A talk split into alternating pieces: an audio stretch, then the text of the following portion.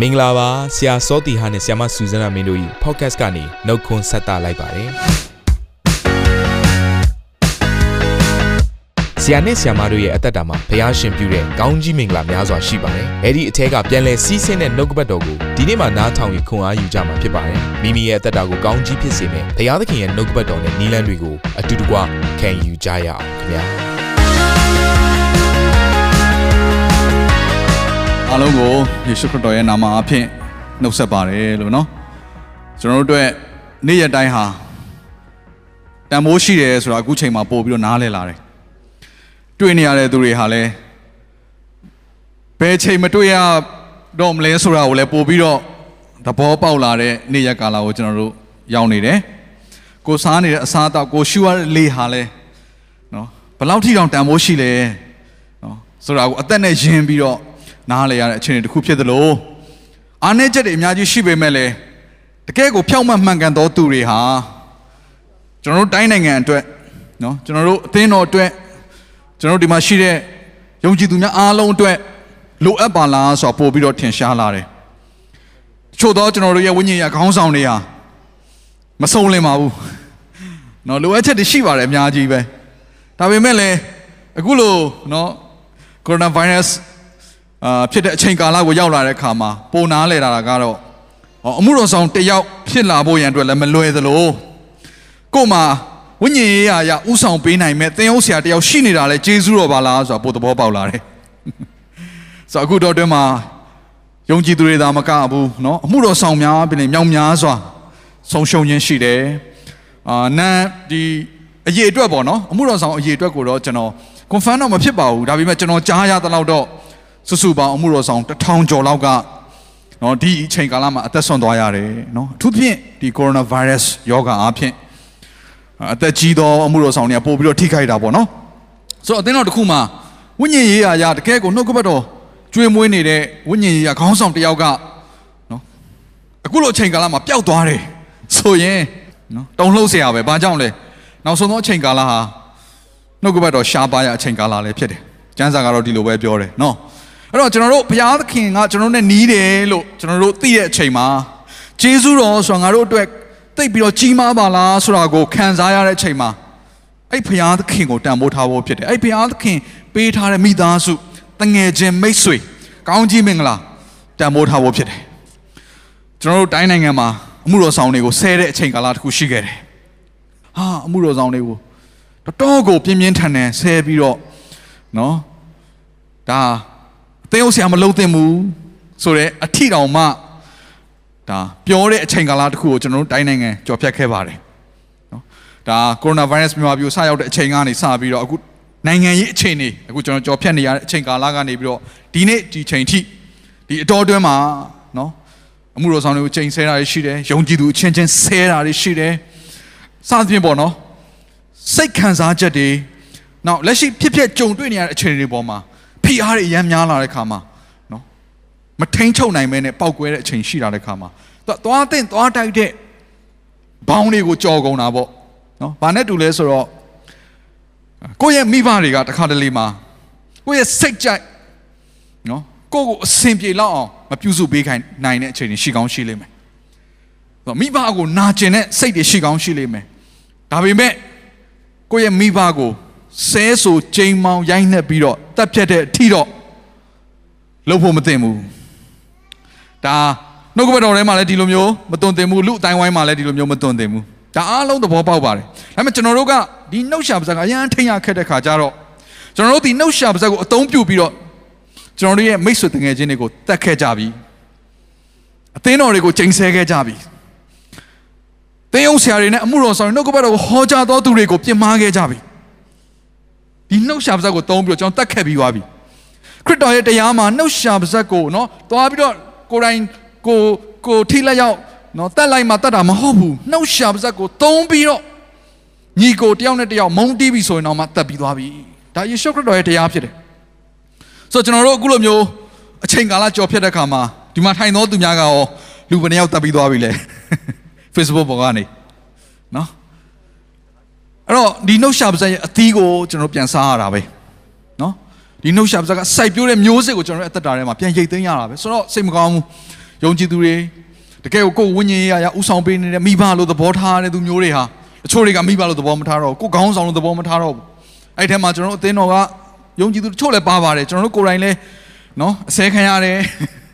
အဲပြောရမယ်ဆိုရင်အသက်ခံရတယ်ပေါ့နော်ပြောရမယ်ဆိုရင်ကျွန်တော်တို့ကို Facebook ပေါ်မှာတက်တဲ့လူတွေရှိတယ်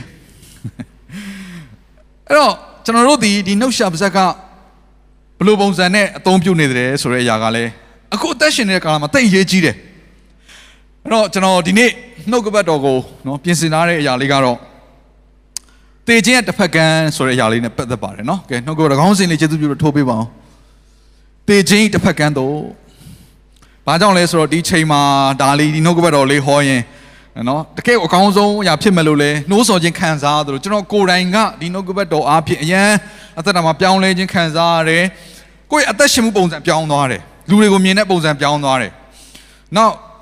ငွေကြေးသုံးစွဲမှုတွေအကုန်ပြောင်းသွားတယ်အမှုတော်ဆောင်တဲ့ပုံစံပြောင်းသွားတယ်ဒါကြောင့်မလို့ကျွန်တော်အသက်တာကိုအပြောင်းလဲဖြစ်စေတဲ့နှုတ်ကပတ်တော်ကိုကျွန်တော်ပထမဦးဆုံး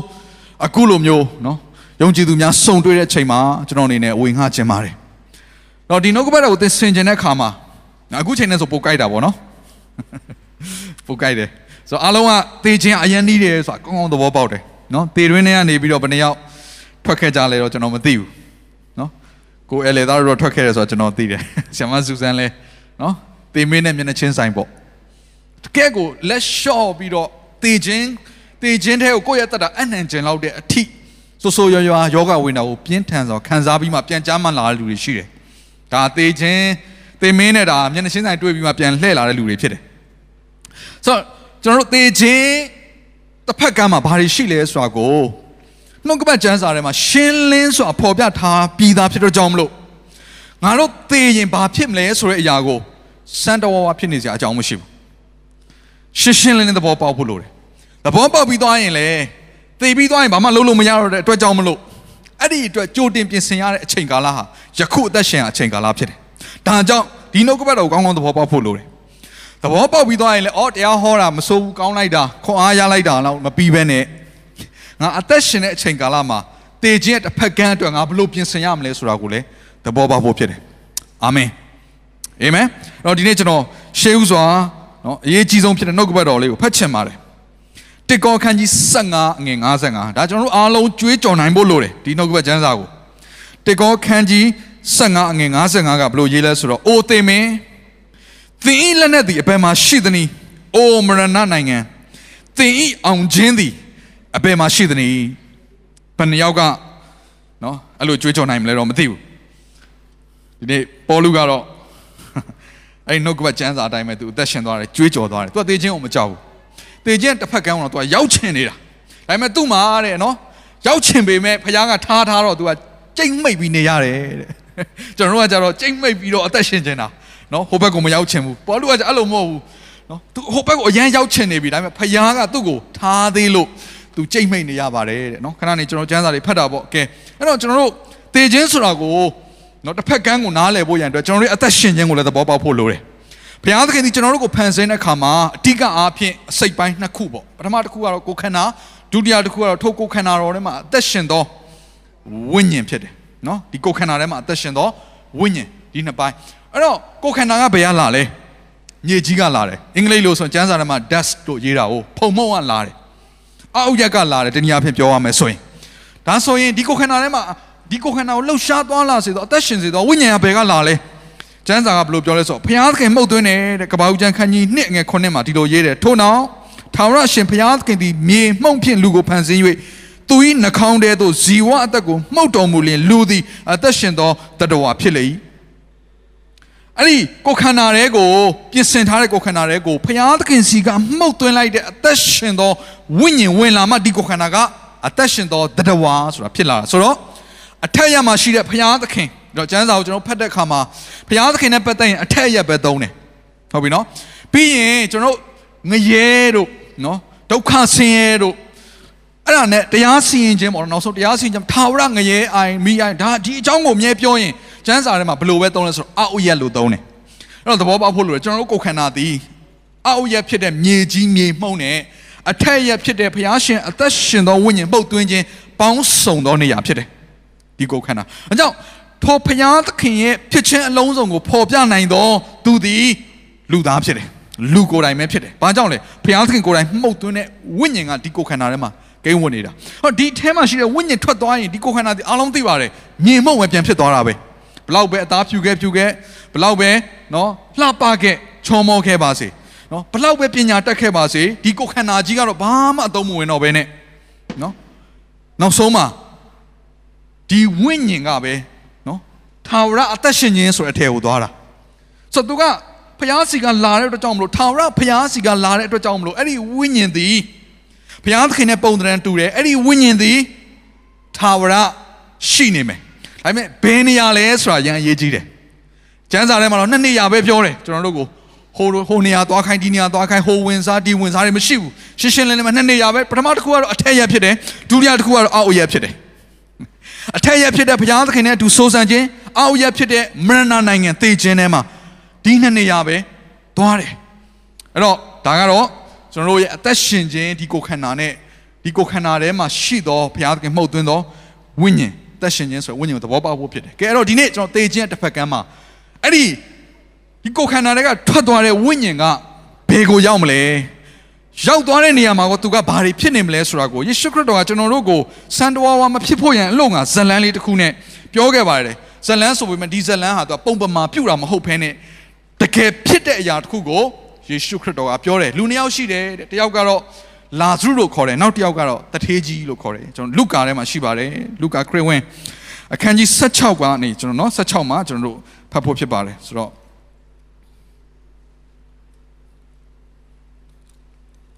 လုကာ16အငယ်16ကနေကျွန်တော်ဖတ်ချင်တယ်ဒီကျမ်းစာလေးကျွန်တော်နဲ့အတူเนาะကျွန်တော်တို့စခရင်မှာလဲထိုးပေးထားတဲ့အတွက်ကြောင့်မလို့အတူတကွဖတ်ရအောင်တဖန်တုံ တထေးတယောက်သည်ညီမောင်းသောကပလာနှင့်ပိတ်ချောကိုဝစ်စင်၍ကာမဂုဏ်စည်းစိမ်၌နေ့တိုင်းပျော်မွေ့လျက်နေ၏လာဇရုမြည်ရှိသောသူဆင်းရဲတယောက်သည်တကိုယ်လုံး၌အနာစိမ့်ပေါက်၍တထေး၏စပွဲမှကြသောစနုပ်စပေါက်ကိုစားပါရစေဟုတောင်းတသောစိတ်နှင့်တထေးအိမ်တကားနာမှာတုံးလုံးနေ၏ခွေးတို့သည်လာ၍အနာစိမ့်များကိုရက်ကြ၏တနေ့သ၌ထိုဆင်းရဲသားသည်တေလွန်၍ကောင်းကင်တမန်တို့သည် အာဗြဟံ၏ယင်ခွင်သို့ပို့ဆောင်ကြ၏တထေးသည်လည်းတေလွန်၍တကြိုခြင်းကိုခံရလေမရဏနိုင်ငံ၌ပြင်းပြစွာသောဝေနာကိုခံရလျက်မျှော်ကြည့်၍အာဗြဟံကို၎င်းအာဗြဟံ၏ယင်ခွင်၌လာဇရုကို၎င်းအဝေးကမြင်လင်အိုအဘအာဗြဟံအကျွန်ုပ်ကိုကယ်မတနာတော်မူပါအကျွန်ုပ်သည်ဤမီးရှန်၌ပြင်းစွာခံရသောကြောင့်လာဇရုသည်မိမိလက်ဖြားကိုရေ၌နှိပ်၍အကျွန်ုပ်ရှာကိုအေးစေခြင်းက သူ့ကိုကျွန်ုပ်ရှိရသို့ဆေလွတ်တော်မူပါဟုဟစ်ကြော်လေ၏အာဗြဟံကလည်းငါသားသင်သည်အသက်ရှင်စဉ်ခါချမ်းသာရသည်ကို၎င်းလာဇရုသည်ဆင်းရဲစွာနေရသည်ကို၎င်းအောင်းမေလောယခုမူကားသူသည်တက်တာခြင်းရှိ၏သင်သည်ဒုက္ခဝေဒနာကိုခံရ၏ထိုမှတပါငါတို့နှင့်သင်တို့ဆက်ကြ၌အလွန်နက်လှသောကြောက်ကြီးတည်လျက်ရှိထိုကြောင့်ဤရမသင်တို့ရှိရာသို့ကူးကျင်တော်သူမကူးနိုင် ထိုရမငါတို့ရှိရာသို့ကူးကျင်တော်သူလည်းမကူးနိုင်ဘူးဆို၏တထေးကလည်းအိုအဖာထိုတို့မှန်လင်အကျွန်ုပ်၌ညီငါးယောက်ရှိပါသည်ဖြစ်၍သူတို့သည်ဤပြင်းပြစွာခံရအရက်သို့မရောက်မီကြောင်းသူတို့အားတက်သေးခံစေခြင်းကလာစုကိုအကျွန်ုပ်ဖိုက်အိမ်သို့ဆေလွတ်တော်မူပါအကျွန်ုပ်တောင်းပန်ပါ၏ဟုပြောဆိုလျင်ဟုတ်ပြီကျွန်တော်ဒီလောက်ဆိုရင်ဒီအဖြစ်ပြက်လေးကိုကျွန်တော်ကောင်းကောင်းသိသွားပြီအဲ့တော့ဒီအကြောင်းကိုသိသွားပြီဆိုရင်တော့ဒီထက်မှာ ဂျာနှုတ်ကပတ်တော်ကြားနာရတဲ့သူတစ်စုံတစ်ယောက်ကကိုယ့်ရဲ့ဆွေမျိုးသားချင်းယုံကြည်သူတစ်စုံတစ်ယောက်နော်ဆုံးမသွားတယ်ဆိုရင်သူခုချိန်မှာဘာတွေဖြစ်နေမလဲဘယ်ကိုရောက်နေမလဲဆိုတော့ကောင်းကောင်းသိမှာဖြစ်တယ်ယေရှုခရစ်တော်ကိုမယာတော်သူတွေကလည်းဘယ်နေရာမှာရောက်နေမလဲဆိုတာကိုလည်းကောင်းကောင်းနားလည်မှာဖြစ်တယ်ဆိုတော့နှစ်နေရာပဲရှင်းရှင်းလင်းလင်းဖြစ်ပါတယ်နော်တော့ကျွန်တော်တို့ကိုယ်တိုင်ကလည်းဒါကိုသဘောပေါက်ဖို့လိုတယ်ငါကောနော်တည်သွားခဲ့ရင်အဲ့တည်သွားခဲ့ရင်ဆိုတဲ့စကားလုံးကိုအခုချိန်မှာအားလုံးကောင်းကောင်းနားလည်မယ်လို့ယုံကြည်တယ်နော်ဆိုတော့ အခုချိန်ဆိုပိုနားလဲတယ်ပြီးခဲ့တဲ့နှစ်ထက်တောင်ပိုနားလဲသေးတယ်ဆိုတော့နိုင်ငံရေးအခြေအနေကောနော်ဟာတိုက်တာခိုက်တာတွေကောအဲ့ဒါအပြင်ယောဂါရောပြီးရင်နောက်ထပ်ယောဂါတွေလာအောင်မယ်ဆိုတဲ့အရာတွေကောဟာစဉ်းစားလိုက်ရင်တော့အော်တေခြင်းဆိုတာတော်တော်နီးတာပဲဆိုတော့သဘောပေါက်တယ်နော်အဲ့တော့ဒီချိန်ကာလကတော်တော်ဒုက္ခဆင်းရဲတို့တေခြင်းတို့နော်အာအခက်ခဲဆိုတဲ့အရာတွေကဟာတော်တော်ကိုနားလည်လို့ကောင်းတဲ့အခြေအနေလေးပဲနော်ကဲတော့ဒီဇလန်မှာ ဒါသိပြီးသွားပြီ မသိခင်တော့နော်ဒါတထေးကြီးရှိမယ် तू ကဆင်းရဲသားသူ့စီမှာလာပြီးတော့တောင်းစားတာလေ तू စားတဲ့စားတော့မဟုတ်ဘူးအကျွင်းကြံကိုတောင်းတာတော့ तू မပေးဘူးဆိုတော့ तू ဟာတေးကြတယ်ဖျားသခင်ကိုမသိတော့သူဆိုတဲ့သဘောတရားပဲကျမ်းစာမှာတော့ဘယ်လိုပဲရေးဆိုဖြောက်မှတ်တော်သူမဖြောက်မှတ်တော်သူဒါယေရှုခရစ်တော်လဝါကားရဲ့ပုံမှာအသေးခံပြီးတော့၃ရက်မြောက်သောနေ့မှာရှင်ပြန်ထမြောက်ခြင်းမလာခင်မှာโอเคဒါလေးကိုသဘောပေါက်ဖို့လိုတယ်ဒီဇလန်လေးကဒီအဖြစ်ပြက်ကခရစ်တော်ရဲ့ကယ်တင်ခြင်းဆိုတဲ့အရာ လဝါကားရဲ့တော်တရားမပြီးစည်းခင်အချိန်မှာဖြစ်ပျက်တာနော်အဲ့တော့တေခြင်းမှာဒီຢာလေးကိုအရင်ဆုံးနားလည်ဖို့လိုတယ်ပြီးရင်ဒုတိယတစ်ခုကတော့ယေရှုခရစ်တော်ရဲ့ရှင်ပြန်ထမြောက်ခြင်းပြီးတဲ့နောက်ပိုင်းမှာလူကတေသွားရင်ခရစ်တော်ကိုယတော်သူပေါ့ခရစ်တော်ကိုတည်တော်သူယုံကြည်တော်သူတေသွားရင်သူသွားတဲ့နေရာမတူဘူးအဲ့တော့ပထမဦးဆုံးခရစ်တော်အသေးမခံခင်မှာဖြောင့်မတ်တော်သူကတေရင်ပဲသွားလေမဖြောင့်မတ်တော်သူဘဲကိုသွားလေအဲ့တော့ဒီကျမ်းစာအရတော့ လာစုကဖြောင့်မတ်တော်သူလို့သတ်မှတ်တယ်လို့နားလေရတယ်တထေးကြီးကမဖြောင့်မတ်တော်သူအဲ့တော့သူတို့တေသွားတဲ့ခါမှာတဲ့လာစုကတော့အာဗြဟံရဲ့ယင်ခွင်ထဲကိုရောက်တယ်ဆိုတော့အာဗြဟံနဲ့အတူရှေးဦးယုံကြည်သူများစွာဖြောင့်မတ်တော်သူလို့ဘုရားသတ်မှတ်ထားတော်သူမြောင်များစွာဟာအာဗြဟံနဲ့အတူရှိနေတယ်ကျွန်တော်ဒီလိုပဲနားလဲရတယ်အာဗြဟံတော်မှနော်အောက်ရက်မှာပဲရှိသေးတာကိုသူကဒါပေမဲ့တခုထူးခြားတာကအဲ့ဒီလာစုရောက်တဲ့နေရာနဲ့ဆော့ဆော့မဖြောင့်မတ်တော်တထေးကြီးရောက်တဲ့နေရာကအောက်ရက်ဖြစ်ပေမဲ့မတူဘူး အလယ်မှာနက်စွာသောကြောက်ကြီးရှိနေတယ်ကောင်းကင်ဘုံမဟုတ်သေးဘူးနော်အခုပြောတာအာဗြဟံဒီလည်းကောင်းကင်ဘုံမရောက်သေးဘူး။ဘာကြောင့်လဲယေရှုခရစ်တော်ကလက်ဝါးကားနဲ့ပေါ်တော့မတက်ရသေးဘူး။ယေရှုခရစ်တော်လက်ဝါးကားနဲ့ပေါ်တက်ပြီးတော့အသေးခံပြီးတော့နော်လူသားအားလုံးရဲ့အပြစ်တွေကိုယူသွားပြီးတော့မှခရစ်တော်ရဲ့ရှင်မြတ်ထမြောက်ခြင်းကြမှာစောစောကဖြောင့်မတ်တော်သူတန်ရှင်းတော်သူတွေကအကုန်လုံးခရစ်တော်နဲ့တူထမြောက်သွားတာခဏနေကျွန်တော်ကြံပိုက်ဖတ်ကြမယ်အဲ့ဒါကိုနားလည်ဖို့ရန်လုံက အဲ့တော့အခုချိန်မှာခရစ်တော်ကအသေးမခံမချင်းအခုဖြောင့်မတ်တော်သူများကအာဗြဟံနဲ့အတူပေါ့နော်ဖြောင့်မတ်သူသူများကစောင့်နေကြတယ်ကြောင်ကြီးရဲ့တစ်ဖက်ကမ်းမှာနက်လာစွာသောကြောင်ကြီးရဲ့တစ်ဖက်ကမ်းမှာကြတော့ပြင်းပြတဲ့ပူလောင်တဲ့ဝေနာကိုခံစားတဲ့မရဏနိုင်ငံအဲ့ဒီမှာကြတော့ဟိုးကဘာဦးစကလေးကမဖြောင့်မတ်တော်သူအားလုံးကပြင်းစွာသောဝေနာကိုခံစားနေရတယ်ခရစ်တော်ကတော့လူနှစ်ယောက်အကြောင်းအာဗြဟံအပါဝင်၃ယောက်ထဲကိုပဲပေါ်ပြသွားတာပေါ့ဆို ဘာပြောလဲ तू ပြင်းစွာသောဝေနာပူလောင်လုံးဝကြည့်လို့တဲ့လာစုကတခါတည်းရေလေးယူပြီးတော့နော်လက်လေးနဲ့တစ်စက်လောက်လာချိုင်ကိုသူ့အတွက်ချမ်းသာရရတယ်ဆိုဘလောက်တောင်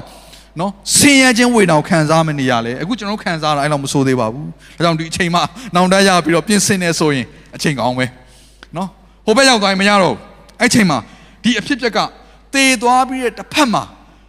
လူတစ်ယောက်ဟာဘလို့ပုံစံနဲ့ခံစားရလဲ ဘာတွေကို तू သိနေလဲဆိုတာကိုရှင်းရှင်းလင်းလင်းဖော်ပြတယ်အချက်ခုနှစ်ချက်နဲ့ကျွန်တော်ပြောချင်ပါလေ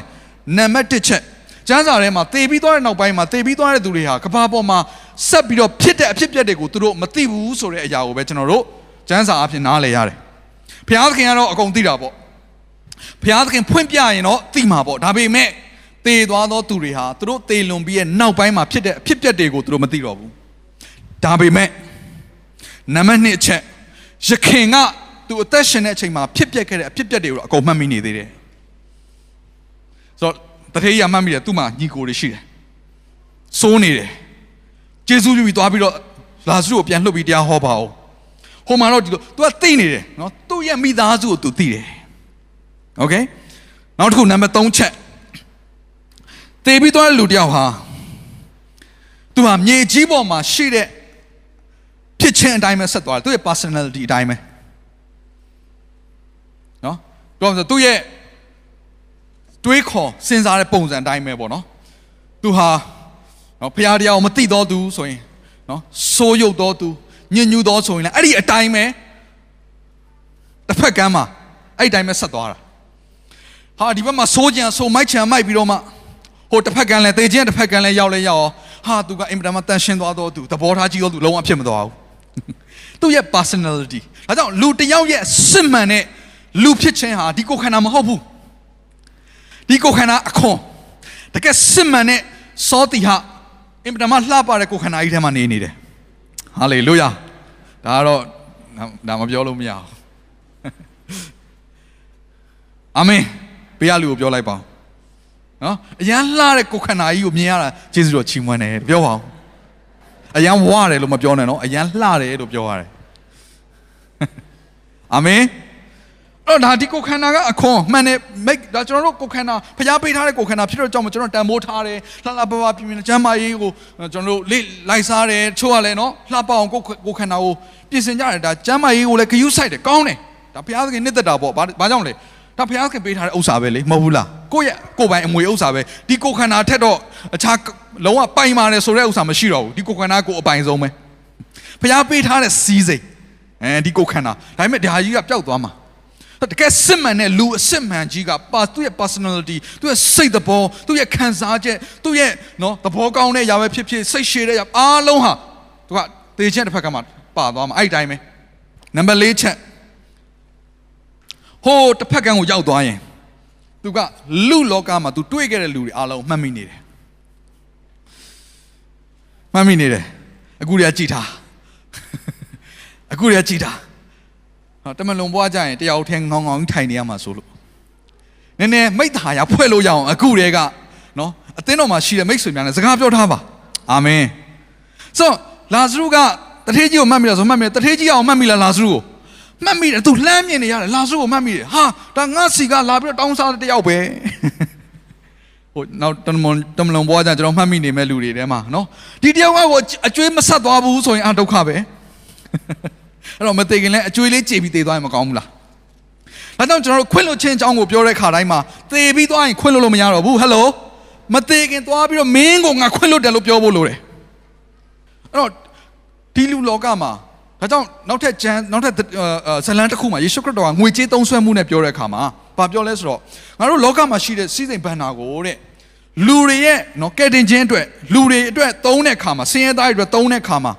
လူတွေကိုသွားပြီးပေးကမ်းတဲ့အခါမှာတဲ့အဲ့လူတွေကဖျားကိုတိပြီးတော့ပြောင်းလဲပြီးတော့တနေ့ကောင်းကင်ကောင်းကင်ဘုံရောက်တော့တနေ့သေခြင်းတစ်ဖက်ကန်းကိုရောက်တဲ့ချိန်မှာတဲ့မိတ်ဆွေတွေဖြစ်သွားလိမ့်မယ်တဲ့အဲ့ဒါကိုဖျားကဘလို့စံစာစကားသုံးဆိုကောင်းကင်ဘန္နာလို့ပြောတာမြေကြီးဘန္နာကိုတုံးပြီးကောင်းကင်ဘန္နာကိုစီးပူးပါလို့ပြောကောင်းကင်ဘန္နာပါလေရွှေလားငွေလားမဟုတ်တော့ဘူးအဲ့ဒါတွေအားလုံးဟာဘုရားသခင်ကောင်းနော်တင်ကျက်တစ်ဖက်ကမ်းမှာအလွန်ပေါ်သောຢာတွေဖြစ်တယ်လန်ခင်းကြောက်တွေဖြစ်သွားပြီဆောက်လို့ပစ္စည်းတွေဖြစ်သွားပြီရွှေငွေကြောက်တယ်မလားများဆိုတာအခုကျွန်တော်ဒီလောကမှာရှာနေပေမဲ့ ကျန်းစာဒီလိုပဲပြောတာဟုတ်တယ်မလားတနေ့ကျရင်ကျွန်တော်တို့အဲ့ဒါတွေအားလုံးကဘန္နာမဟုတ်တော့ဘူး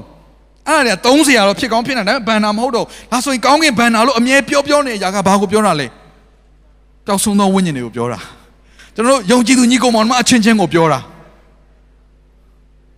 ကျွန်တော်ဆေဘောဘိုအကြောင်းပြောတဲ့ခါမှာလည်းနော်ပေကန်ချင်းအကြောင်းပြောတဲ့ခါမှာကျွန်တော်ဒီအဲ့ဒီအကြောင်းကိုကျွန်တော်အမြဲတမ်းထည့်ပြောတယ်ဒီလောကမှာရှိတဲ့ကောင်းနော်ဘန်နာကိုစီးစိမ်လောကရဲ့ဘန်နာကိုသုံးပြီးတော့ထာဝရနဲ့ဆိုင်တဲ့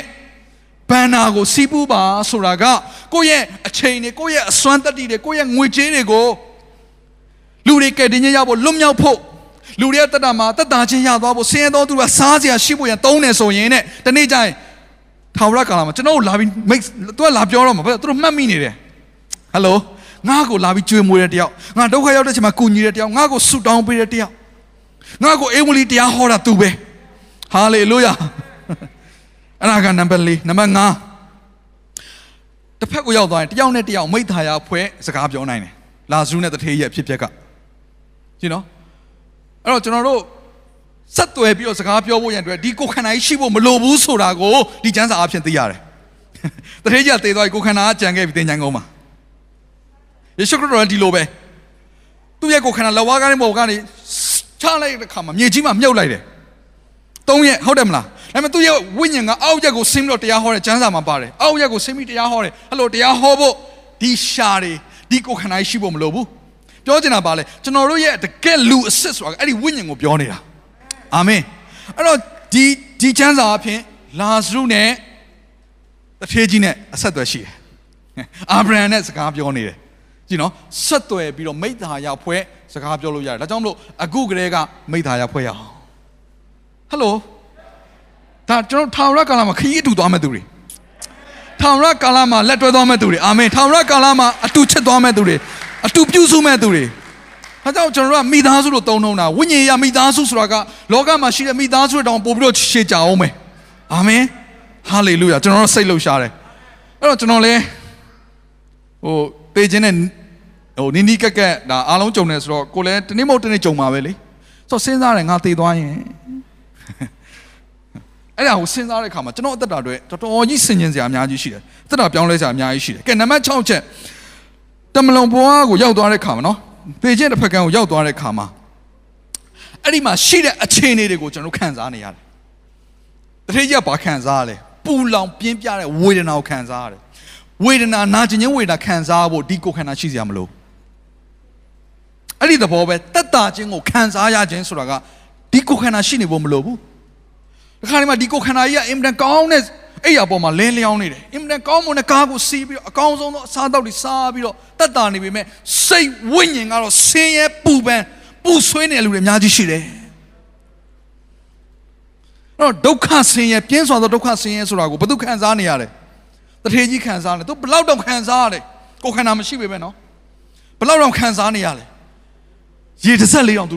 သူသူ့ဘဝအတွက်တစ်ဆက်လေးဆိုလုံလောက်ပြီအဲ့လောက်တောင်တောင်းတနေတာ စဉ်းစားကြည့်ပါဦး तू ခံစားရတဲ့ဝေဒနာဘယ်လောက်တောင်ကြီးမားမလဲဒါကြောင့်မလို့ငါတေခြင်းတစ်ဖက်ကန်းရောက်သွားရင်ဘာမှမခံစားတော့ဘူးလို့မထင်ပါနဲ့ဒီလောကမှာပင်လည်းမခံစားဘူးသောနော်ခံစားမှုမျိုးကိုသင်ရဲ့အတွင်းဝိညာဉ်ကကောင်းကောင်းခံစားနိုင်တယ်ဆိုတာကိုဒီသဘောပေါက်ဖို့လိုတယ်နောက်ဆုံးချက်နံပါတ်9အရင်ရေးကြည့်တယ်ကျွန်တော်ဒီလောကမှာရှိတဲ့နော်လှုပ်ဆောင်တဲ့အရာ သင်ကျွမ်းကျင်တဲ့အရာသင်ကိုတတ်မှတ်တဲ့အရာအတိုင်းပဲတမလွန်ဘွားမှာဆက်လက်တတ်မှတ်တယ်တထေကြီးကမရဏနိုင်ငံရောက်သွားပြီးပူပန်တဲ့ဝေဒနာခံစားတော့သူ့ကိုကျမ်းစာကဆင်းရဲသားတထေကြီးလို့မခေါ်ဘူးဘယ်လိုပဲလဲကဲနာမည်ကြည်ကြဲလေးပြောပါအောင်ဘယ်လိုခေါ်လဲတထေကြီးသူ့ဘယ်လိုပဲတတ်မှတ်လဲတထေကြီးပဲတတ်မှတ်တာအနောက်မှာသာကိန်းကနန်းနေတိတိကျကျရေးလို့ရရင်တော့အခုဆိုရေးကြတယ်လေတော့ကျွန်တော်တို့နော်ကဘာကြီးမှာ ဘလောက်ကတော့ဘီလီယံဘလောက်ကျွဲသွားတာတိုက်ပနှလုံးရှိတာဟာသူကတော့ယာဒူကဘလောက်ကြီးတာအဲ့တော့ကျွန်တော်တို့တနေ့ကျရင်တေကျင့်တစ်ဖက်ကန်းကိုရောက်သွားရင်တွေ့ရမယ်အထက်မှာရှင်ဘရင်တွေလည်းပါမှာပဲပညာတတ်တွေအများကြီးရှိမှာပဲနော်ကြောက်ရဲ့ပဲပဲလဲပေါ့နော်ဒါယေရှုခရစ်တော်ကောင်းကင်ဘောနော်မတက်ကြွခင်အချိန်ခါလာဆိုတော့အဲ့ချိန်တုန်းကတော့အလယ်မှာကြောက်ရဲ့ဟိုဘက်ဒီဘက်မှာဖြစ်နေတာတစ်ဖက်မှာတော့ပြင်းပြစွာဝင်တာခံစားတစ်ဖက်မှာတော့အာဗြဟံရင်ဝင်မှာငြိမ်းချမ်းနေတာတတ်တာနေတာ အေးချမ်းနေတာ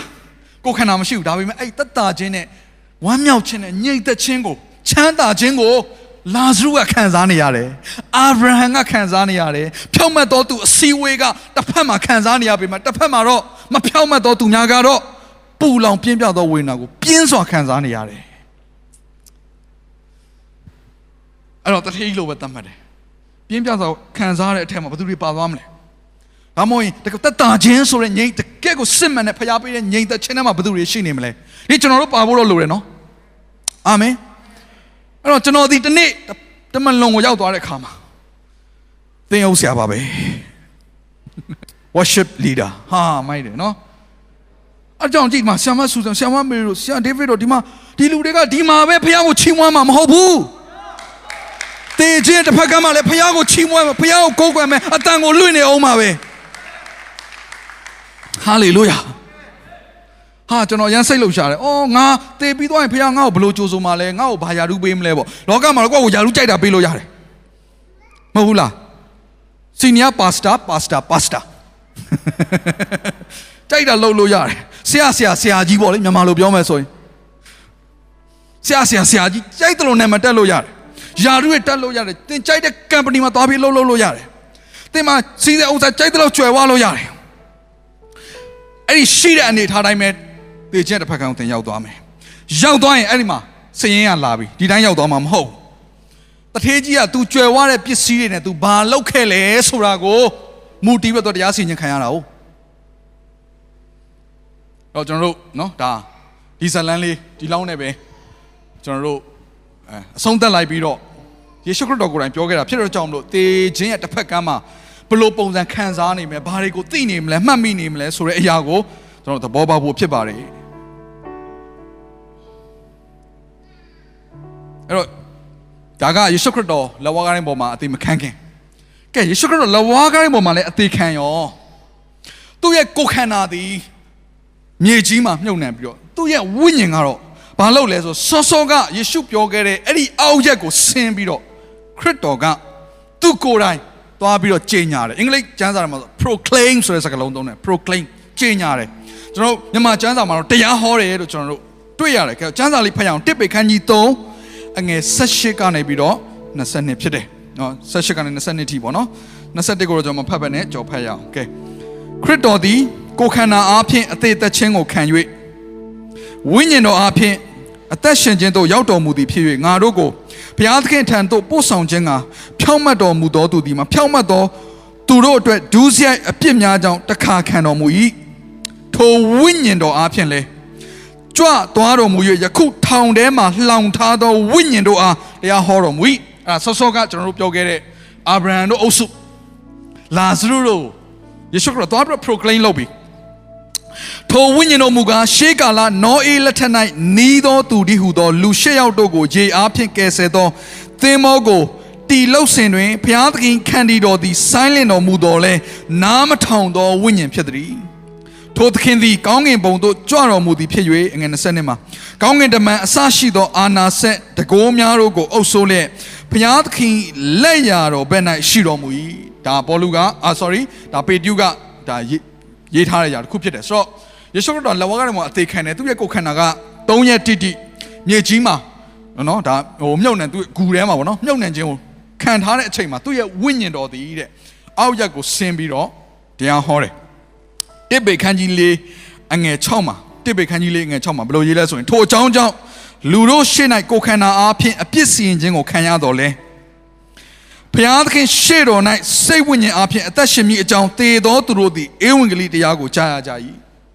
အဲ့ဒါစောစောကဖြစ်ပျက်ကိုပြောတာဖြစ်တယ်။သွားပြီးတရားဟောတဲ့ဖြစ်ပျက်ကိုယ်ခန္ဓာကတော့နော်ဒါကဘာဦးအစကလေးကသေခြင်းဆိုတဲ့အရာရောက်လာတဲ့အခါမှာအဲ့အတွက်ကိုယ်ခန္ဓာကတော့ဒါသူ့ရဲ့တရားစင်ခြင်းတိုင်းမြေကြီးကိုသွားရပေမယ်တဲ့သူတို့ရဲ့ဝိညာဉ်တွေကတော့ကယ်တင်ခြင်းရဖို့ရန်လုံငါခရစ်တော်ဒီသူတို့ကိုသွားပြီးတော့တရားဟောတယ်အဲ့တော့အဲ့ဒီမှာဆိုတော့ဖြောင့်မတ်တော်သူတွေကအာဗြဟံတို့လာဇရုကနော်ဒါဝိဒ်တို့အကုန်လုံးဓမ္မအောင်ကျမ်းတွေကကျွန်တော်တို့ဖတ်ခဲ့တဲ့ကျမ်းစာတွေကစောင့်နေတော်သူတွေအားလုံးကအဲ့ဒီမှာ ခြီဆောင်ခြင်းကိုခံရပြီနော်ကဲအေဖက်ခန်းကြီးလေးငယ်၈ကနေ10ကိုလည်းထပ်ဖတ်ချင်တယ်ပို့ပြီးတော့နော်ကျွန်တော်ရှင်းလင်းသွားအောင်အေဖက်လေး၈ကနေ10ထိုတို့နှင့်အညီအတူတူဖတ်ရအောင်နော်ထိုတို့နှင့်အညီကျမ်းစာ၌လာသည်ကားမြင့်သောအရက်သို့တက်ကြွတော်မူသဖြင့်များစွာသောသူတို့ကိုဖမ်းသွားတော်မူ၍လူတို့အားဆုလက်များကိုပေးတော်မူသည်ဟုလာသည်တက်ကြွတော်မူသည်ဟုဆိုသောအစဥစွာမြေကြီးအောက်ရက်သို့ဆင်းသက်တော်မူကြောင်းကိုရည်မှတ်၍ဆိုသည်မဟုတ်လော ဆင်းသက်တော်မူသောသူသည် အခြားသူမဟုတ် အလုံးစုံတို့ကို ပြည့်စုံစေခြင်းကခတ်သိမ်းသောကောင်းကင်ဘုံတို့၏အထွတ်ကိုလွန်၍တက်ကြွတော်မူသောသူဖြစ်သည်။တော့ယေရှုခရစ်တော်နဲ့အတူဘသူရှင်ပြန်ထမြောက်သွားလဲဆိုရင်ဖြောင့်မတ်တော်သူများရှင်ပြန်ထမြောက်သွားတယ်။အဲ့ဒါကိုမသက်ခန်းကြီး20ခွန်51ကနေ53မှာရှင်းရှင်းလင်းလင်းတွေ့ရတယ်။အတူတကွဖတ်ရအောင်။ထိုအခါဗိမာန်တော်၏ကလကာသည်အထက်ဆုံးမှအောက်ဆုံးတိုင်အောင်ဆုတ်ကွဲလေ၏။မြေကြီးလှုပ်လေ၏။ ကြောင်များတို့သည်ကွဲပြားကြ၏။တင်းချိုင်းတွင်တို့သည်ပွင့်လက်သဖြင့်ကျင်းဆက်လျက်ရှိသောတန်ရှင်းသူတို့၏အလောင်းများစွာတို့သည်ထကြ၍ကိုတော်ထမြောက်တော်မူသည့်နောက်ထိုသူတို့သည်တင်းချိုင်းတွင်မှထွက်၍တန်ရှင်းသောမြို့ထဲသို့ဝင်ပြီးလျင်လူများစွာတို့အားထင်ရှားကြ၏အမဲသူတို့ကခရစ်တော်နဲ့အတူကောင်းကင်ဘုံမတက်ခင်မှာနော်သူတို့ကမြို့ပတ်လိုက်သေးတယ် ဘယ်လောက်တိုးတက်နေပြီလဲဆိုတော့ဝင်ကြည့်တာနေမှာပေါ့နော်သူတို့အမျိုးတွေပါညာဝင်နှုတ်ဆက်သွားလားမသိဘူးကျမ်းစာတော့အဲ့လိုပဲရေးတယ်လူများစွာကိုသူတို့ထင်ရှားသွားတယ်သူတို့ရဲ့အသက်ရှင်ခြင်းအကြောင်းကိုအဲဆိုဘယ်သူနဲ့အတူသူတို့ရှင်ပြန်ထမြောက်တာလဲခရစ်တော်နဲ့အတူသေခြင်းကနေရှင်ပြန်ထမြောက်တာသေခြင်းကိုအောင်တာဟာလေလုယာအကြောင်းတေအိုသေခြင်းသင်ဗမာလဲမရဏနိုင်ငံသင်ရဲ့အောင်ခြင်းကဗမာလဲလို့ပေါလုကကြွေးကြော်တာဖြစ်တယ်ကျွန်တော်တို့ကြောင့်မဟုတ်ခရစ်တော်ကသေခြင်းကိုအနိုင်ယူသွားတာအာမင်ကျွန်တော်ပြောမယ် သေခြင်းဆိုတာအဖြစ်အပျက်တစ်ခုမဟုတ်ဘူးသေခြင်းဆိုတာပုံကိုယ်ဖြစ်တယ် person ဖြစ်တယ်ကျမ်းစာထဲမှာသေခြင်းအကြောင်းကိုပြောရင်ဘယ်သူ့ကိုပဲပြောလဲစာတန်တခိုးသည်ခိုးခြင်းတတ်ခြင်းဖြည့်ဆည်းခြင်းကလာတယ်။အိုသင်မင်းအဖြစ်အပျက်တစ်ခုကိုပြောနေတာမဟုတ်ဘူးပုံကိုယ်ကိုပြောနေတာသင်မင်းဆိုတာ is angel of death အင်္ဂလိပ်လို့ဆိုရင် angel of death ကောင်းကင်တမန်သူကကောင်းကင်တမန်တစ်ပါးပဲ တေခြင်းအဲ့တေခြင်းကအရင်အားကြီးလုံးအားကြီးတော့ဘယ်သူမှမနိုင်ဘူးဒါပေမဲ့ဘသူကအဲ့ဒီသေခြင်းကိုအောင်နိုင်သွားလဲယေရှုကအောင်နိုင်ဒါကြောင့်မို့သူကအဲ့သေခြင်းရဲ့တမန်အုပ်ဆိုးသောအောက်ရက်ကိုကြွသွားပြီးတော့ဟေးသေခြင်းနဲ့ဆိုင်သောတော့မရဏနိုင်ငံနဲ့ဆိုင်တဲ့တော့ကောင်းကင်ဘုံနဲ့ဆိုင်တဲ့တော့အထုံးမြတ်အာနန်ဆာအားနဲ့ဆိုင်တဲ့ authority ကိုငါရပြီလဝါကားနေတော့အဖြစ်သွားပြီးကြီးညာတာဖြစ်တယ်ဟာ လေလုယာဘယ်တော့ကျွန်တော်ယုံကြည်သူများကအဲ့ဒီသေခြင်းကိုအဲ့လို online ဖို့အရေးကြီးတယ်ဟဲ့သေခြင်းမင်းအောင်ညံ့ပါမလဲဒီငါကိုခန္ဓာမြေကြီးကိုသွားပြီမယ်ငါထာဝရအသက်ရှင်တော်သူဖြစ်တယ်ငါဟာဖျားနဲ့သူစိုးစံတော်သူဖြစ်တယ်သင်ရဲ့အောင်ခြင်းကဘာမှလဲယေရှုကိုယတော်သူဟာသေလွန်တော်လည်းပဲအသက်ရှင်တယ်အာမင်ကဲဒါယေရှုခရစ်တော်ရဲ့ရှင်မထားမြောက်ခြင်းပြီးသွားပြီတန်ရှင်တဲ့ဖြောင့်မတ်သူတွေကလည်းယေရှုနဲ့တက်သွားပြီ ပြဿနာကကျွန်တော်တို့ကကြံနေသေးတယ်အဲယေရှုတက်သွားပြီးနောက်ပိုင်းမှာတည်ရလူတွေရှိသေးတယ်လေဘယ်လိုလုပ်မလဲအဲ့လူတွေကြတော့အဲ့ထက်မှကျွန်တော်တို့ပါပြီလေခရစ်တော်ဒုတိယအချိန်မကြွလာခင်အချိန်ထိအဲ့တည်တဲ့လူတွေရှိနေတာဟုတ်အခုကျွန်တော်တို့ ਨੇ သက်ဆိုင်တဲ့တချို့သောသူတွေအတိကျွမ်းမိတ်ဆွေတွေချို့လဲเนาะအခုချိန်ကာလမှာတည်ဆုံးသွားတာတွေရှိတယ်ကဲသူတို့ဘယ်လိုလုပ်မလဲဆိုတော့ကျမ်းစာထဲမှာကျွန်တော်တို့ကိုရှင်းရှင်းလင်းသိဖို့ရန်အလုံကလည်းဒီနေ့အဖြေပါပြီးသားဖြစ်ပါတယ်ကျွန်တော်ကျမ်းစာအတူဖတ်ရအောင်အဲ့ဒါကတော့တမန်တော်ဝတ္ထုထဲမှာဖြစ်တယ်ဘသူအကြောင်းလဲဆိုရင်တတိပံဖြစ်တယ် တတိပံဖြစ်တယ်တမန်တော်ဝတ္ထုခန်းကြီး9မှာအားလုံးသိပါတယ်တတိပံဆိုတာပထမဦးဆုံးသောမာတူရာဖြစ်တယ်ယေရှုခရစ်တော်အကြောင်းကိုအင်္ဂလိပ်ဟောရင်းနဲ့ပထမဆုံးသက်ခံရတော်သူဖြစ်တယ်အဲ့တော့သူ့ရဲ့တည်ခြင်းဟာကျွန်တော်တို့ယုံကြည်သူများအတွက်ခရစ်တော်ကိုယတော်သူများအတွက်ဘာဖြစ်မလဲတည်ခြင်းတစ်ဖက်ကဘယ်ရောက်မလဲဆိုတော့ရှင်းလင်းတဲ့အရာတစ်ခုလည်းဖြစ်တယ်ငယ်54ကစဖတ်ခြင်းနဲ့ထိုစကားကိုကြားလျင်နှလုံးကွဲပြတ်မတတ်ဖြစ်၍တတိပံ၌အံသွားခဲကြိတ်ခြင်းကိုပြုကြလေ၏ သူသည်လည်းတန်ရှင်းသောဝိညာဉ်တော်နှင့်ပြည့်သဖြင့်ကောင်းကင်သို့ဆဲဆဲကြည့်မျှော်၍ဘုရားသခင်၏ဘုန်းတော်ကို၎င်းဘုရားသခင်လက်ရတော်ဘက်၌ယေရှုရက်နေသည်ကို၎င်းမြင်လျင်ကြည့်ပါကောင်းကင်ဖွင့်လက်သည်ကို၎င်းလူသားသည်ဘုရားသခင်လက်ရတော်ဘက်၌ရက်နေသည်ကို၎င်းငါမြင်သည်ဟုဆို၏ထိုသူတို့သည်ပြင်းစွာသောအတန်နှင့်ဟစ်ကြော်၍နားကိုပိတ်ဆို့လျက်သူစီသို့ညင်ညွတ်စွာတဟုန်တည်းပြေး၍မြို့ပြင်သို့နှင်ထုတ်ပြီးမှကြောက်ခဲနှင့်ဖြစ်ကြ၏ တက်သိခံတို့သည်လည်းမိမိတို့အဝတ်ကိုရှောလူအမည်ရှိသောလူလင်ခြေရင်း၌ထားကြ၏ကြောက်ခဲနှင့်ပြစ်ကြစဉ်တတိပံသည်ပထနာပြုလျက်သခင်ယေရှုအကျွန်ုပ်၏ဝိညာဉ်ကိုသိမ်းယူတော်မူပါဟုရှောက်ဆို၏ဒူးထောင်းလျက်သခင်ဤသူတို့ပြုသောဒူးစရိုက်ပြစ်ကိုမှတ်တော်မမူပါနှင့်ဟုကြီးသောတန်နှင့်ကြွေးကြော်ပြီးမှကျိန်းဆက်လေ၏သူ့ကိုကွက်မြက်သောအမှုကိုရှောလူသည်လည်းဝန်ခံလည်းရှိ၏အဲ့ချိန်မှာပေါလုဆိုတာအသက်တာမှာပြောင်းလဲသေးဘူးရှောလူနာမည်နဲ့ခရိယန်တွေကိုညှင်းဆဲနေတော့မှဖြစ်သေးတယ်ဘသူပါလဲ အဲ့ဒီလူပါတယ်ရှောလူဘသူ့ကိုလဲတတိပံကိုတတ်တဲ့အချိန်မှာသူကသိတယ်အဲ့တော့တတိပံကသူ့ကိုကြောက်ခန်းနဲ့ပြစ်ပြီးတော့နော်တတ်ဖို့ပြင်တဲ့အချိန်မှာ तू ဘာမြင်လဲဆိုတော့ဖခင်ကသူ့ရဲ့ဝိညာဉ်မျက်စိကိုဖွင့်လိုက်တဲ့အခါမှာ तू ကတန်ရှင်သောဝိညာဉ်တော်နဲ့ပြည့်တဲ့အခါမှာသူဘာမြင်လဲဆိုတော့ကောင်းကင်ကိုမျှော်ကြည့်တယ်အောက်ရမဟုတ်တော့အာမင်ကောင်းကင်ဖြစ်သွားပြီဟယ်လိုယုံကြည်သူများခရစ်တော်အားဖြင့်ရတဲ့ဂျေဇုတော်ဘယ်လောက်တောင်ကြီးမားလဲ ဟိုမှာအာဗြဟံတို့ဒါဝိဒ်တို့တော်မှာထိုင်ဆောင်ရတာခရစ်တော်နဲ့တွေ့ရဖို့ထိုင်ဆောင်ရတာတကယ်ထိုင်ဆောင်ရတာလေလာဇုဘယ်ထဲမှာလဲအာဗြဟံနဲ့ရှင်ခွင်ထဲမှာစောင့်နေရတာနှစ်ပေါင်းများစွာတက်တာချင်းထဲမှာပါပဲငြိမ်သက်ချင်းထဲမှာပဲစောင့်နေဒါပေမဲ့ယေရှုနဲ့မတွေ့ရသေးဘူးဒါပေမဲ့အခုယေရှုခရစ်တော်ကိုယသွားတဲ့တတိပံကတော့တခါတည်းသူမျောကြည့်တာဘယ်ကိုမျောကြည့်တာလဲကောင်းကင်ကိုဘသူ့ကိုတွေ့လဲဖခင်သခင်ခမည်းတော်လက်ရဘက်မှာဘသူရှိတယ် ယေရှုခရစ်တော်ရှိတယ်ဟာလေလုယာသူရှိတယ်သူရောက်မဲ့နေရာသူသိတယ်သူမတည်သေးဘူးတော့ဒါပေမဲ့ဖခင်ကမင်းရောက်မဲ့နေရာငါပြမယ်ဒီသဘောပေါ့ဝိညာဉ်မျက်စိကိုဖွင့်လိုက်တယ်အဲ့ဒါနဲ့သူကသူ့ရဲ့အသက်ဝိညာဉ်ကုံဆုံးကနေမှာ तू ဘာလုပ်လဲဆိုရင်ကြောက်ခဲနဲ့ပြစ်ကြစဉ်တတိပံသည်ပထနာပြုလျက်သခင်ယေရှုအကျွန်ုပ်၏ဝိညာဉ်ကိုသိမ်းယူတော်မူပါဟုရှောက်ဆို၏သူတတိပံသူ့ရဲ့ဝိညာဉ်ကိုဘသူစီအပ်လိုက်လဲယေရှုစီယေရှုဘာမှရှိလဲခ မည်းတော်ရဲ့လက်ရဘက်မှာထိုင်နေတယ်ဒါဆိုကျွန်တော်တို့ယုံကြည်သူများဘာနဲ့ပဲဖြစ်ဖြစ်သေသွားအဲ့သေသွားပြီးတဲ့တစ်ဖက်ကဘယ်ရောက်မလဲညိုထဲဝင်အောင်မလားအမေရိကမရောက်ဘူးကွာငါအမေရိကရင်သွားလိုက်အောင်မယ်ကိုတော့ခဏနေအောင်ခဏနေအောင်အမေရိကတစ်ချက်ခဏပထမတန်ရှင်းသူများရဲ့ထားမြောက်ခြင်းလဲအဲ့လိုလေးသူတို့ကချက်ချင်းတက်မသွားဘူးမြို့ထဲမှာသွားပြီးတော့အလဲပတ်လောက်လိုက်သေးတယ် မစိုးဘူးနော်အဲ့ဒီစီစဉ် passport လည်းမလိုဘူးလေဟာတကဘာလုံးပတ်ပြီးမှအဲယေရှုစီရောက်သွားတာအဲပြီးသွားကဘာပတ်ပြီးမှယေရှုစီရောက်တာမစိုးဘူးသတ္တရေပံအဲ့လိုရောက်တာနော်တခါတည်းသူကကိုရောတဲ့ကျွန်တော်အသက်ဝိညာဉ်ကိုရောသိမ်းယူပါအဲ့လိုက်တယ်အဲ့လိုသူမအခင်မှာလဲအဲ့ရမယ့်နေရာအောင်သိအောင်နေရာကိုသိအောင်ဘုရားသခင်သူ့ရဲ့ဝိညာဉ်မျက်စိကိုဖွင့်လိုက်တယ်အထက်ရက် ဟာလေလုယာအဲ့ခရစ်တော်ရဲ့ရင်ခွင်မှာကျွန်တော်တို့ကရောက်မှာ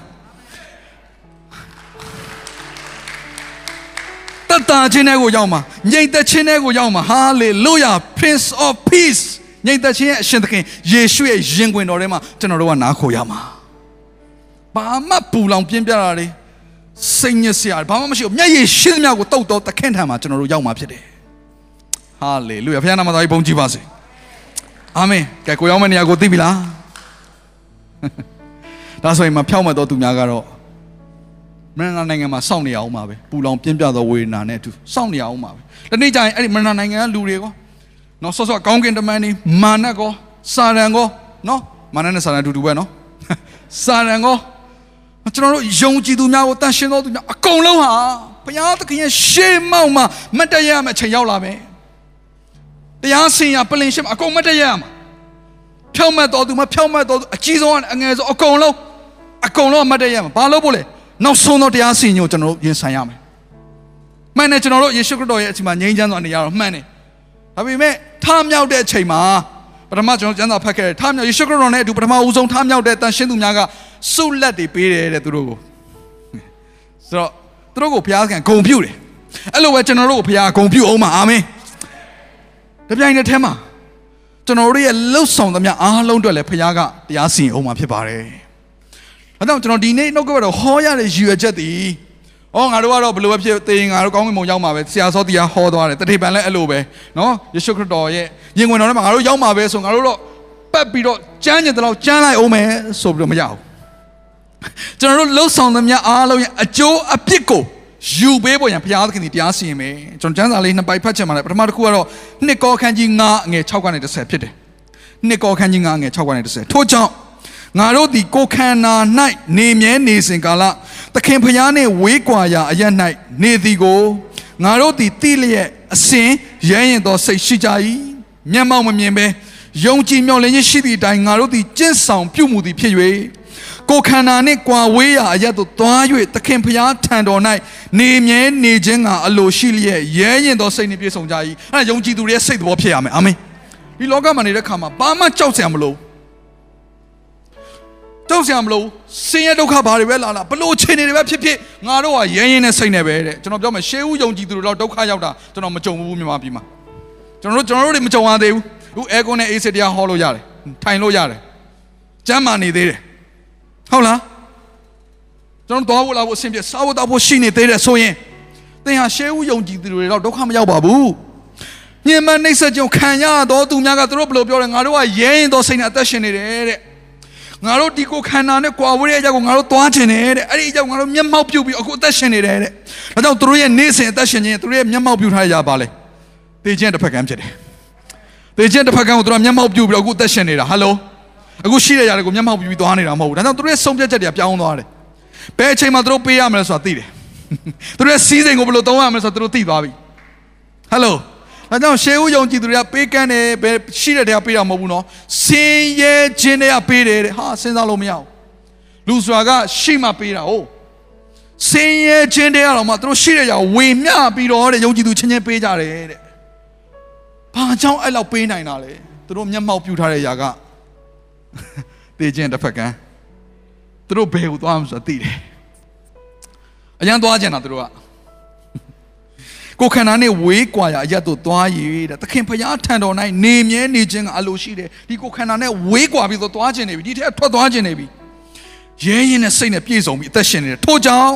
ငါတို့ဒီနေမြဲအရ၌နေသည်ဖြစ်စေအခုလက်ရှိအချိန်ကျွန်တော်နေခြင်းကိုပြောတာနေမြဲရ၌နေသည်ဖြစ်စေကွာဝေးရာကွာဝေးရာအရ၌နေသည်ဖြစ်စေ ဒီကိုခန္ဓာတွေကထွက်သွားသည်ဖြစ်စေသခင်ဖျားနှစ်သက်တော်မူသောနှစ်သက်တော်မူသောသူဖြစ်စေခြင်းကစေနာစိတ်ရှိ၍စ조사အားထုတ်ကြ၏ဟာသူတို့ရဲ့အသက်ရှင်ခြင်းကဘုရားသခင်နှစ်သက်ဖို့အတွက်ငါအသက်ရှင်မယ်ဆိုတော့အဲ့ဒီအဲ့ဒီစိတ်ကသူတို့ရဲ့နေ့ရက်စဉ်တိုင်းဆုံးဖြတ်ချက်တွေကိုပြောင်းလဲသွားစေတယ်အကြောင်းမူကားဘာကြောင့်လဲဆိုတော့ဘာကြောင့်ငါလို့အဲ့လိုအသက်ရှင်တဲ့အချိန်မှာ နော်ဒါမှမဟုတ်လေဒီကိုခန္ဓာထွက်သွားတဲ့အချိန်မှာပဲဖြစ်ဖြစ်ဘုရားနှစ်သက်အောင်မငါနေမယ်လို့သူတို့ကဆုံးဖြတ်ထားတာဟုတ်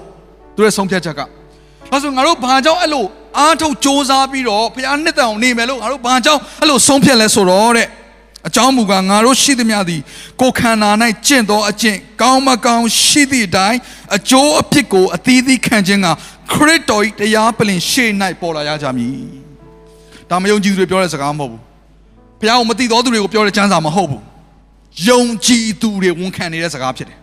ငါတို့အားလုံးခရစ်တော်ရဲ့တရားပလင်ရှေ့မှာတရားစီညွန်ခံမှုရပေါ်လာမယ်ဗျာဒိတ်ခန်းကြီး20 17 15နော်ဒါနောက်ဆုံးကျမ်းပိုက်ဖြစ်တယ်အဲ့တော့ဒီကျမ်းစာလေးကတော့ကျွန်တော်တို့အတွက်စောစောကဖတ်ခဲ့တဲ့အရာလေးကိုပို့ပြီးတော့ရှင်းလင်းစေမှာဖြစ်တယ်ဗျာဒိတ်ကျမ်းခန်းကြီး20အငယ်7ကနေ15အတူကလုံးဖတ်ရအောင်တဖန်တုံဖြူသောပလင်ကြီးကို၎င်း ပလင်ပေါ်မှာထိုင်သောသူကို၎င်းငားမြင်၏ကောင်းကင်နှင့်မြေကြီးသည်မျက်နာတော်ရှေ့မှပြေးလွင့်၍သူတို့နေစရာအရမရှိသေလွန်သောသူအကြီးငယ်တို့သည်ပလင်တော်ရှေ့မှရက်နေကြသည်ကိုငားမြင်၏စာဆောင်များကိုဖွင့်ထား၏အသက်စာဆောင်တည်းဟုသောအခြားတစ်ပါးသောစာဆောင်ကိုလည်းဖွင့်လေ၏သေလွန်သောသူတို့သည်မိမိတို့အကျင့်တိုင်းစာဆောင်တို့၌ရေးထားချက်များနှင့်အညီတရားစီရင်ခံရ၏ခဏလောက်ရရအောင်ဒီနေရာမှာအသက်စာဆောင်တစ်ခုလည်းမဟုတ်ဘူးနော်ကောင်းကင်ဘုံမှာ စာဆောင်များကိုလည်းဖွင့်ထား၏အဲ့တော့ကျွန်တော်တို့ရဲ့လှုပ်ဆောင်ပြုတ်မှုသမျှပြောဆိုတဲ့စကားတစ်လုံးချင်းစီကအစာမှတ်တမ်းတင်ထားမှာကဲစပ်ဖတ်ရအောင်အငယ်73သမုဒ္ဒရာသည်မိမိ၌ရှိသောလူတွေတို့ကိုအပေး၏မရဏနှင့်မရဏနိုင်ငံသည်လည်းမိမိတို့၌ရှိသောလူတွေတို့ကိုအပေးကြ၏လူအသီးသီးတို့သည်မိမိတို့အကျင့်အတိုင်းတရားစီရင်ခြင်းကိုခံရကြ၏ထိုအခါမရဏနှင့်မရဏနိုင်ငံကိုမိအိုင်ထဲသို့ပြစ်ချလေ၏ ထိုသေးခြင်းကဒုတိယသေးခြင်းဖြစ်သည်အသက်စာဆောင်၌စရင်မဝင်သောသူရှိသမျှတို့ကိုလည်းထိုမိအိုင်ထဲသို့ပြစ်ချလေ၏နောက်ဆုံးသောတရားစီရင်ခြင်းဖြစ်တယ်ပြီးတော့ယုံကြည်သူများရဲ့ဒုတိယအကြိမ်ထမြောက်ခြင်းလည်းဖြစ်တယ်အဲ့ကိုခန္ဓာနဲ့ကျွန်တော်မတည့်ရရမှာလေဒါကြောင့်လေပင်လေဟာလေလူတွေတွေကိုအပ်ပေးတယ်မြေကြီးဟာလည်းလူတွေတွေကိုအပ်ပေးတယ်နောက်ဆုံးမရဏနိုင်ငံရောက်နေတဲ့လူတွေလူတွေတွေအပ်ပေးတယ်ဆိုတော့သူတို့အားလုံးရဲ့ကိုခန္ဓာတွေနဲ့အတူဘုရားသခင်ရှင်မှာမတည့်ရမယ် ဘာကြောင့်လဲရှင်ပြန်ထမြောက်ခြင်းမှာသူကိုခန္ဓာနဲ့ရှင်ပြန်ထမြောက်တာယေရှုခရစ်တော်ဒီသူ့ရဲ့ဝိညာဉ်ဒီအောက်ရက်ကနေပြီးတော့ပြန်ပြီးတော့ရှင်ပြန်ထမြောက်ခြင်းဆိုအရာကိုဖြစ်တဲ့အချိန်မှာကိုခန္ဓာအသစ်နဲ့နော်သူ့ရဲ့ကိုခန္ဓာနဲ့အတူထမြောက်တာနော်မမြင်ရတဲ့ဝိညာဉ်ပုံစံမျိုးကြီးနဲ့မဟုတ်ဘူးနော်ကိုခန္ဓာနဲ့ထမြောက်တာဒါကြောင့်မလို့သောမတ်ကစမ်းတယ်သူ့ရဲ့ဒဏ်ရာတစ်ချက်တွေကိုယေရှုခရစ်တော်ဒီပွဲတော်ယူတယ်ယေရှုခရစ်တော်ဒီငားတွေကင်စားတယ်ဟယ်လိုကိုခန္ဓာနဲ့ဒါကြောင့်ဒီကိုခန္ဓာကိုလည်းတန်ဖိုးထားဖို့လိုတယ်ထာဝရထီလှခြင်းအခုတွေအလှပြင်ထား နော်ထာဝရမှာဝဝကြီးဆိုမကောင်းလေအလကားပြောတာပါဆိုခရစ်တော်ကအဲ့ကိုခန္ဓာနဲ့သူရောက်လာတဲ့အချိန်မှာသူ့ရဲ့တပည့်တွေမမှတ်မိဘူးဘယ်သူမှမသိဘူးဘာကြောင့်လဲဖျားဘုံနဲ့နော်ပြည့်နေသောဝိညာဏကိုခန္ဓာလူသားရဲ့ကိုခန္ဓာမဟုတ်တော့ဘူးအသွေးသားလူသားရဲ့ကိုယ်ခန္ဓာမဟုတ်တော့ပျ က်စီးတတ်တဲ့ကိုယ်ခန္ဓာမဟုတ်တော့မပျက်စီးမပုတ်ပြတ်နိုင်သောဝိညာဏကိုယ်ခန္ဓာကိုဘုရားသခင်ဒီကျွန်တော်တို့ကိုပေးမှာအဲ့ကိုယ်ခန္ဓာဘလို့လဲဆိုတော့ကိုသူကိုယ်တိုင်ကအသက်ရှင်ပြသွားတယ်ရက်40ထင်ရှားပြသွားတယ်သူတပည့်တွေနဲ့အတူဆိုသူ့ကိုမြင်ခဲ့ပူးတဲ့လူတွေသူ့ကိုမမှတ်မိလောက်တဲ့အထိတောင်းလဲခြင်းရှိတယ်ဆိုတော့ကျွန်တော်လည်းအများကြီးမျှော်လင့်ထားပါတယ်သွားလေးများနည်းနည်းပြန်ဝင်သားမလားပေါ့အဲဒီမှာနည်းနည်း နော်ဝိတ်တက်တဲ့လူတွေနည်းနည်းပျော်သွားကြပြီငါမမမမိနိုင်လောက်လှသွားတော့မထင်နဲ့ဘာညာပေါ့နော်ဆိုတော့တနေ့ကျရင်ကျွန်တော်အားလုံးဒီဒီကိုခန္ဓာနဲ့အတူကိုခန္ဓာအသစ်နဲ့အတူဘုရားသခင်ရှေ့မှာမတည့်ရက်ပြီးတော့တရားစီရင်ခံရမယ်အဲ့တရားစီရင်ဒီထာဝရတရားစီရင်ဖြစ်တယ်အဲ့တရားစီရင်ဒီနောက်ဆုံးတရားစီရင်ဖြစ်တယ်ယေရှုကိုရတော်သူအထူးသဖြင့်အသက်ဆာဆောင်မှာပါတော်သူတွေအားလုံးကတော့ ခရစ်တော်နဲ့တူထာဝရဆိုးစံခြင်းကိုရမယ်ဒါပေမဲ့တပြိုင်နက်တည်းမှာအခြားသောစာဆောင်များလည်းရှိသေးတဲ့အတွက်ကြောင့်မလို့ကျွန်တော်ဒီလောကမှာအသက်ရှင်တဲ့လှုပ်ဆောင်တဲ့အရာတွေပြောဆိုတဲ့အရာတွေပြုမှုတဲ့အရာတွေအားလုံးကိုလည်းမှတ်တမ်းတင်ထားပြီးတော့အကျိုးအပြစ်ကိုဘုရားဆက်ပေးမယ်ဒါကြောင့်လေထာဝရကာလရောက်တဲ့အချိန်ကျရင်ကဘာကောင်းကင်သစ်မြေကြီးသစ်ပေါ့နော်ဒီဒါရီချန်20နှစ်မှာရေးထားတယ်ကောင်းကင်သစ်မြေကြီးသစ်ကိုရောက်သွားရင်လူတွေဟာတသက်မတ်ထက်ဖြစ်မသွားဘူးအဆင့်လိုက်ပဲဘာကြောင့်လဲ ဘုရားသခင်ကကျွန်တော်တို့ကိုကဘာမြေကြီးကိုပြန်လဲအုပ်ဆိုးခွင့်ပေးမှာဒီလောကဒီအချိန်မှာအသက်ရှင်တဲ့အရာတွေကျွန်တော်လှုပ်ဆောင်တဲ့အရာတွေပေါ်မှာမှတ်တမ်းတင်ထားပြီးတော့အကျိုးအပြစ်ကိုဆက်ပေးတဲ့အတွက်ကြောင့်မလို့လူတိုင်းကတော့အတူတူပဲတော့မဖြစ်ဘူးဘုရားသခင်တို့လှုပ်ဆောင်တော်သူတွေဘုရားသခင်တို့ပေးဆက်တော်သူတွေဘုရားသခင်ရဲ့နှစ်သက်တော်အသက်တော်နဲ့အသက်ရှင်တော်သူတွေကတော့စိုးစံတဲ့နေရာမှာနေရပြီးတော့ကျွန်တဲ့လူတွေဘယ်နေရာမှာနေရမှာကျွန်တော်လည်းမသိဘူး။ဘာကြောင့်လဲဆိုတော့အဲ့ဒါကိုပေးမဲ့သူကဘုရားသခင်ကိုယ်တိုင်ဖြစ်တယ်။ ကျမ်းစာမှာတော့ဆုလက်လို့ပဲရေးတာ哦။နော်။ခါချိုးသောကျမ်းစာတွေဖန်တရဖူလို့လည်းကျွန်တော်တွေ့ရတယ်။တရဖူတွေရမယ်ဆိုတော့သိကြတယ်တရဖူပေးတယ်ဆိုတာကလှအောင်ပေးတာမှမဟုတ်တာ။ तू ကယာဒူးကိုပေးလိုက်တာ။တာဝန်ကိုပေးလိုက်တာ။အဆင့်ကိုပေးလိုက်တာ။ဒါကြောင့်ကျွန်တော်တို့ကနော်တမန်တော်ဘွားကိုရောက်သွားရင်လည်းကျွန်တော်ဒီအမှုတော်ဆောင်ဆရာပဲသင်ရုပ်ဆရာစောတီအနေနဲ့ရောက်သွားမယ်။ဒါပေမဲ့ကျွန်တော်တို့သင်ရုပ်ဆရာတွေအများကြီးရှိမယ်။ right အမှုတော်ဆောင်တွေတစ်ကမ္ဘာလုံးမှာအများကြီးရှိပြီအဲ့ဒီအမှုတော်ဆောင်တွေအများကြီးထဲမှာကျွန်တော်ကဘယ်နေရာမှာရောက်မလဲကျွန်တော်မသိဘူး ဘုရားသခင်ကျွန်တော်ဆုပေးမှတော့သိတယ်ဒါပေမဲ့ကျွန်တော်ရဲ့အသက်ရှင်မှုကအဲ့ဒီထာဝရကာလအထိတိုင်အောင်တက်ရောက်မှုရှိတယ်ဆိုတာကိုဒီဒီနှုတ်ကပတ်တော်အပြင်ကျွန်တော်နားလဲရတယ်ဒါကြောင့်ကျွန်တော်ကဒီလိုအချိန်မှာအထူးသဖြင့်ဒီနေ့နော်ခေါင်းဆောင်တွေအများကြီးရှိတယ်အားလုံးကိုကျွန်တော်နှိုးဆော်ခြင်းနဲ့တိုက်တွန်းခြင်းနဲ့ခွန်အားပေးခြင်းပါတယ်ငါဖခင်ရဲ့အမှုတော်ဆောင်ဖြစ်တယ်လို့အမြဲခံယူပါတမလို့ဘွားကိုရောက်သွားတဲ့အချိန်မှာဖခင်သခင်နဲ့တွေ့တဲ့အချိန်မှာဖခင်ရဲ့အမှုတော်ဆောင်အဖြစ်ဖခင်ကြိုးဆိုတာတော့ကောင်းတဲ့ရာမရှိတော့ဘူး ဒါဟာငါရဲ့ကျွန်ငါကိုသစ္စာရှိတော်သူငါကိုချစ်တော်သူလို့ကြိုးဆိုရတာတော့ကြိုးဆိုခြင်းခံရတာတော့ကောင်းတဲ့ရာမရှိတော့ဘူးဟာကျွန်တော်ရမ်းစိတ်လို့ရတယ်ဟာလေလုယာ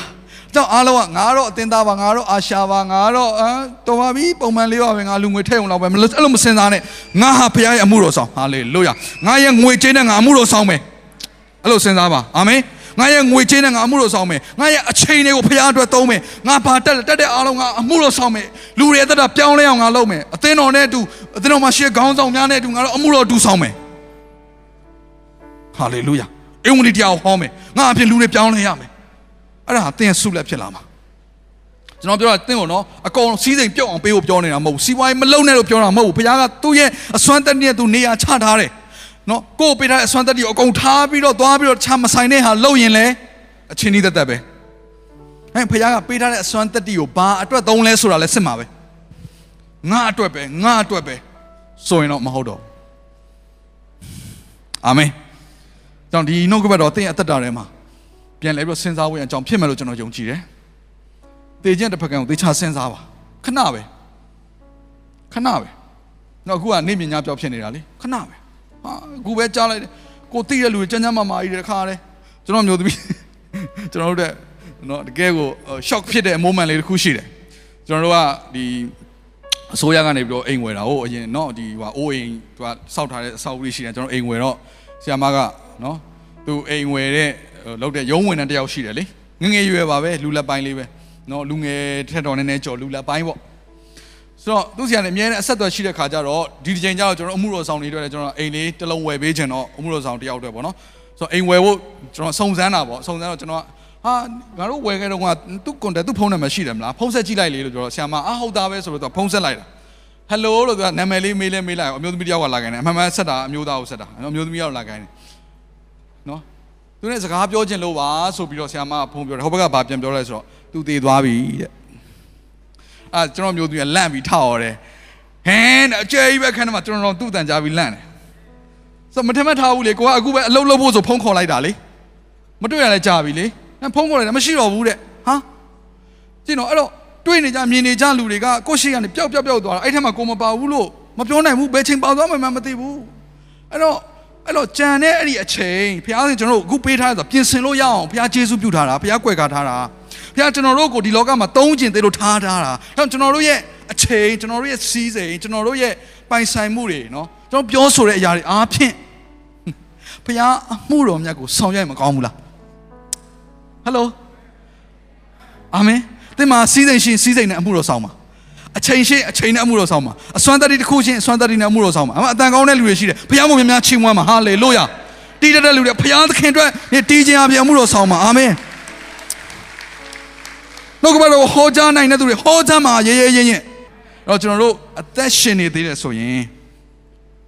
အချိန်အစွမ်းတတ္တိဘုရားသခင်ပေးထားတဲ့အရာတွေကိုသေချာသုံးပါကျမ်းစာထဲမှာပါတယ်လေနော်တယောက်တယောက်အစွမ်းတတ္တိပေးတာမတူဘူးဟမ်သခင်ကပြန်လာပြီးတော့စစ်တာပဲဒီတိုင်းလွတ်မထားဘူးချို့ကအစွမ်းတတ္တိကိုမြုပ်ထားတယ်ချို့ကတိုးပေါင်းအောင်လုပ်တယ်အဲ့ဒီပုံမှုတည်ပြီးတော့ဘုရားသခင်ဒီအကျိုးအပြစ်ကိုဆက်ပေးတယ်ဒါကြောင့်ငါရဲ့အသက်ဝိညာဉ်ကတည်းကရပြီဆိုတာတခုတော့နဲ့မကျင်တတ်ပါနဲ့နေ့စဉ်အသက်ရှင်ခြင်းမှာဘုရားနှစ်သက်တော်သူ ကိုအားဖြင့်လူတွေအသက်တာပြောင်းလဲတော်သူဟာလေလုယာတိုင်းနိုင်ငံကိုကောင်းကြီးဖြစ်စေတော်သူအာမင်ဖြောင့်မတ်ခြင်းပန်းနဲ့အသက်ရှင်တော်သူဟာလေလုယာဒီနေ့ဘုရားသခင်ရှေ့ကြရင်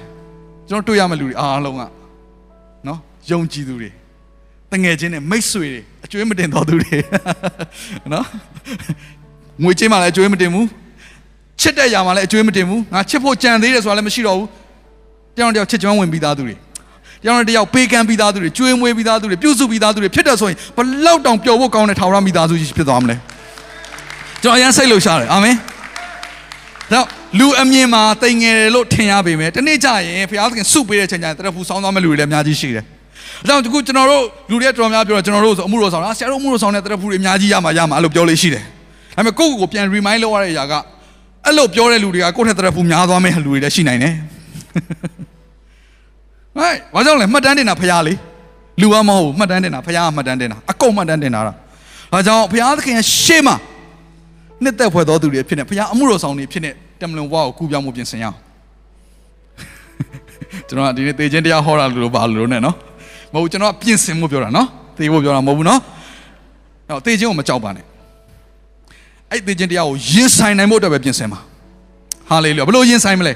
ဘုရားသခင်နှစ်သက်သောအသက်တာနဲ့ရင်ဆိုင်ပြီးသွားပြီ ဘာမှပူပန်စရာမလိုဘူးအာမင်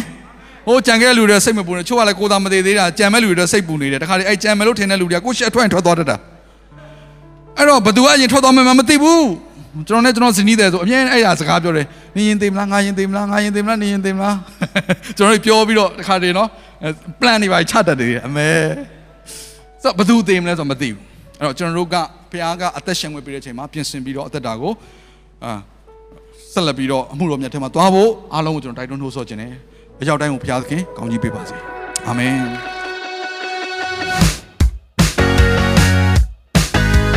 နာတော်တာစင်သူတိုင်းရဲ့အသက်တာမှာကောင်းကြီးဖြစ်မယ်ဆိုတာကိုကျွန်တော်ယုံကြည်ပါတယ်။သင်ရဲ့အသက်တာအတွက်များစွာသော resource တွေနဲ့ update တွေကို Facebook နဲ့ YouTube platform တွေမှာလည်းကျွန်တော်တို့ပြင်ဆင်ထားပါတယ်။ Facebook နဲ့ YouTube တွေမှာဆိုရင် search box ထဲမှာစုစွမ်းနာမင်းလို့ရိုက်ထည့်လိုက်တဲ့အခါအပြအယောင်အမှန်ချစ်ထားတဲ့ Facebook page နဲ့ YouTube channel ကိုတွေ့ရှိမှာဖြစ်ပါတယ်။နှုတ်ကပတ်တော်တွေကိုဗီဒီယိုအားဖြင့်လည်းခွန်အားယူနိုင်ဖို့ရန်အတွက်အစဉ်သစ်ပြင်ဆင်ထားပါတယ်။ကျွန်တော်တို့ဝိညာဉ်ရေးရာအတွက်အထူးလိုအပ်တဲ့ဖွင့်ပြခြင်းတွေနဲ့ခွန်အားတွေကိုရယူလိုက်ပါ။နောက်ရက်များမှာပြန်ဆုံတွေ့ကြရအောင်ခင်ဗျာအားလုံးကိုနှုတ်ဆက်ပါ